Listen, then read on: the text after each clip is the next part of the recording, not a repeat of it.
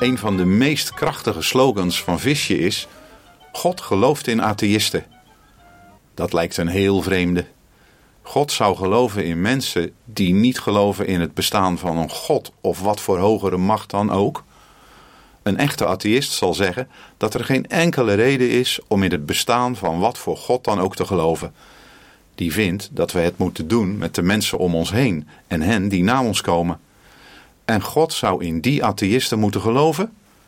Ja, hij houdt ook van hen. En dat wordt duidelijk als je de tekst leest in Johannes 3, vers 16. Want God had de wereld zo lief dat hij zijn enige zoon heeft gegeven, opdat iedereen die in hem gelooft niet verloren gaat, maar eeuwig leven heeft. Dat sluit niemand uit, ook atheïsten niet.